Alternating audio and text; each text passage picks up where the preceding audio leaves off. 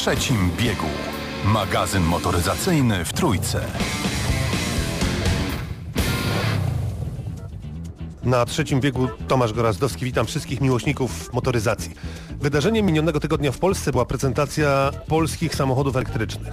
I cóż, za wielkiego optymizmu nie ma, mówi Jan Wiśniewski z Polskiego Stowarzyszenia Paliw Alternatywnych. Dlaczego? Spółka Electromobility Poland ma zacząć produkować Izerę, bo tak będzie nazywał się samochód w 2023 roku. Tyle, że na razie nie wiadomo, gdzie powstanie fabryka, która ma odpowiadać za produkcję samochodów. Nie wiadomo, na jakich platformach zostaną oparte te samochody. Na razie wiadomo, że nasze auta narysowali Włosi, zbudowali Niemcy. Jeżeli chodzi o nakłady finansowe, grupa Volkswagena w najbliższe 4 lata wyda na rozwój elektromobilności około 33 miliardów euro. Do 2029 roku ma wprowadzić na rynek do 75 modeli wyłącznie elektrycznych i około 60 modeli hybrydowych. Jak zatem przy tym wygląda propozycja spółki Electromobility Poland? Ryzykowne jest założenie, że Polacy zrezygnują z elektrycznych Volkswagenów, Fordów, Volvo czy Hyundaiów, by kupić polski produkt. Przedstawiciele spółki jakby z obowiązku są optymistami. Milion powodów, by jechać dalej. Takie obowiązuje hasło.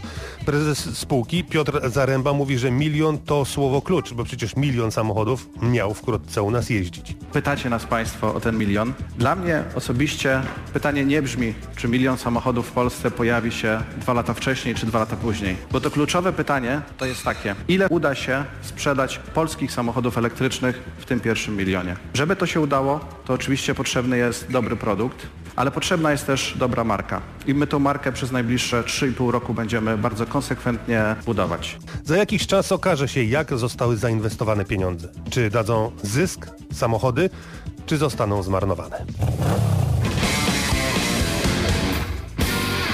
Właśnie, a propos samochodów elektrycznych. W czwartek w Warszawie Mazda pokazała swój pierwszy całkowicie elektryczny model MX-30, który jeszcze w tym roku pojawi się na rynku. Szymon Sołtysik. Jesteśmy w idealnym momencie w wprowadzeniu samochodu elektrycznego na rynek i ta Mazda MX-30, która jest takim kompaktowym crossoverem yy, w segmencie C, to jest samochód, który z jednej strony swoją technologią, czyli tym bezemisyjnym napędem wpisuje się w to, co dzisiaj dzieje się w motoryzacji, czyli ten trend związany z zeroemisyjną mobilnością, ale z drugiej strony oferuje takie nadwozie, które jest dzisiaj pożądane i atrakcyjne dla klientów, bo widzimy, że te suwy i crossovery po prostu najchętniej są kupowane i najszybciej rosną, ale ten samochód nie tylko jest taki bezemisyjny w miejscu, gdzie się pojawia, on jest też tak zaprojektowany, żeby jego tak zwany ślad węglowy, czyli to, co przez cały cykl życia powstaje od wydobycia surowców do produkcji takiego samochodu poprzez produkcję właśnie elementów, podzespołów, później eksploatację aż po utylizację, żeby to było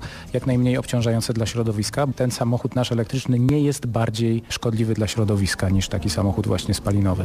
Ale obserwując to, jak ten ślad wygląda, podjęliście pewne rozwiązania, które miały ten ślad zmniejszyć albo go zredukować i to właśnie ma wymierny i realny wpływ na to, co widzimy. Jeżeli mówimy o tym efekcie końcowym, czyli na przykład o wielkości akumulatorów, to jest rzeczywiście takie świadome podejście, bo my mamy akumulator o pojemności 35,5 kWh, który zapewnia zasięg na poziomie 200 km w cyklu mieszanym według tej technologii WLTP mierzenia zasięgu. I dlaczego nie macie tego akumulatora pojemnego wystarczająco na przejechanie 400 km, bo przecież takie już są dostępne. Tak, oczywiście, ale taki akumulator musiałby być prawdopodobnie prawie dwa razy większy, to oznacza byłby prawie dwa razy razy cięższy, byłby znacznie droższy i z jednej strony przekładałby się na większe obciążenie środowiska podczas jego produkcji i utylizacji, a z drugiej strony wpływałby też negatywnie na wrażenia z jazdy, bo taki ciężki samochód jest czasami wręcz aż ociężały, a nam chodziło o to, żeby ten samochód elektryczny był w prowadzeniu na poziomie samochodów spalinowych, czyli tych takich, które dają przyjemność z prowadzenia. Mówiąc inaczej,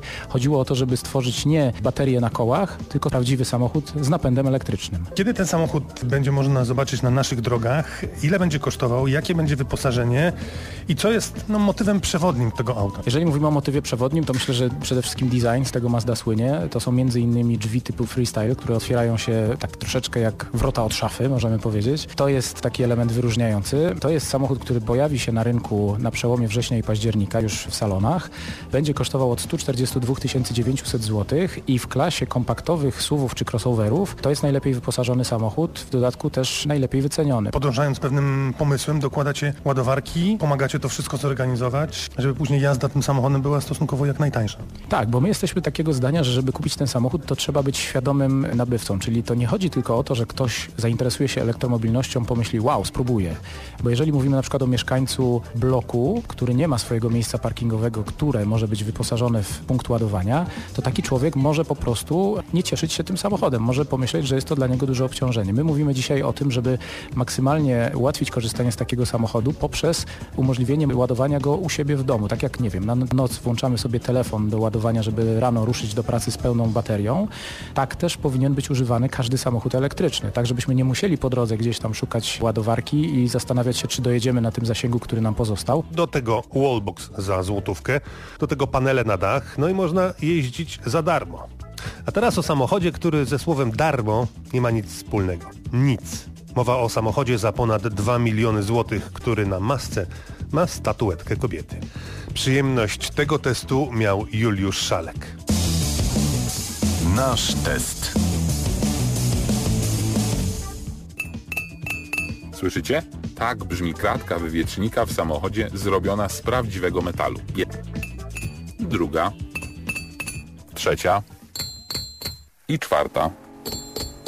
A to... To wykończenie schowków w tunelu środkowym.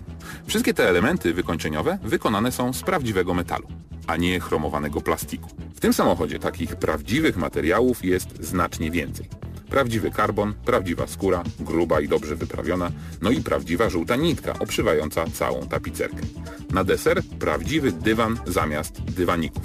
Wykonany z owczej wełny, miękkiej owczej wełny, gęsty, mięsisty i niemal aksamitny w notyku. Aż chce się od razu ściągnąć buty. W dzisiejszych samochodach, nawet tych marek premium, takie materiały to naprawdę rzadkość.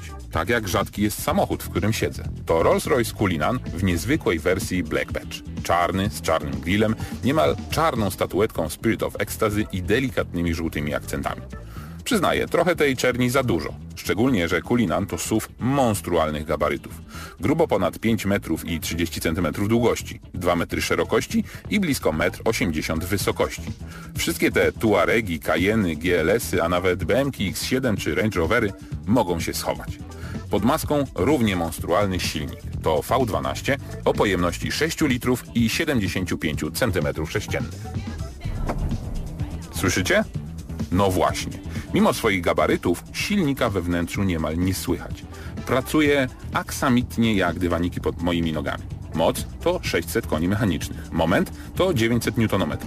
To wystarcza, by potężnego kulinana rozpędzić do setki w nieco ponad 5 sekund. Uwierzcie mi, w samochodzie, który waży ponad 2,5 tony, to niesamowite wrażenie. Owszem, skrzynia nie jest błyskawiczna, dlatego poczuć można coś na kształt turbodziury. Wciskam gaz, skrzynia redukuje bieg, auto przyspiesza, ale wbijanie w fotel czuję po niewielkiej zwłoce. No dobrze, umówmy się, Rolls-Royce Cullinan nawet w nieco agresywnej stylizacji Black Badge nie służy do wyścigów. To nadal majestatyczny krążownik, w którym na pierwszym miejscu jest komfort.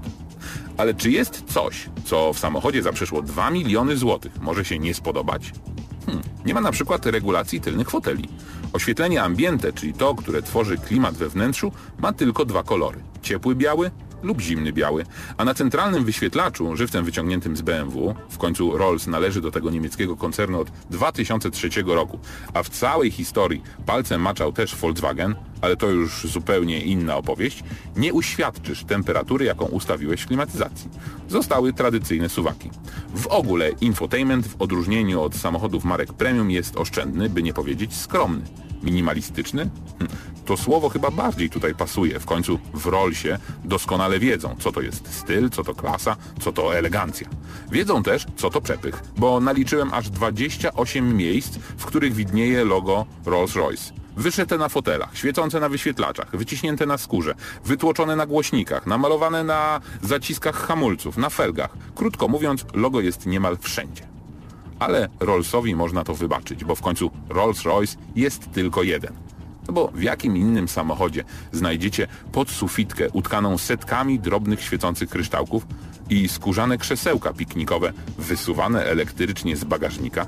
No właśnie. Wakacje w pełni, podróży co prawda mniej, ale jednak. Zatem proszę z głową i jest szansa, że usłyszymy się za tydzień. A przez ten czas proszę zajrzeć na Facebooka na trzecim biegu. Tam zdjęcia ciekawych samochodów i samochodowe ciekawostki. Proszę polubić, puścić dalej w świat. Tomasz Gorazdowski, dziękuję. Do usłyszenia za tydzień.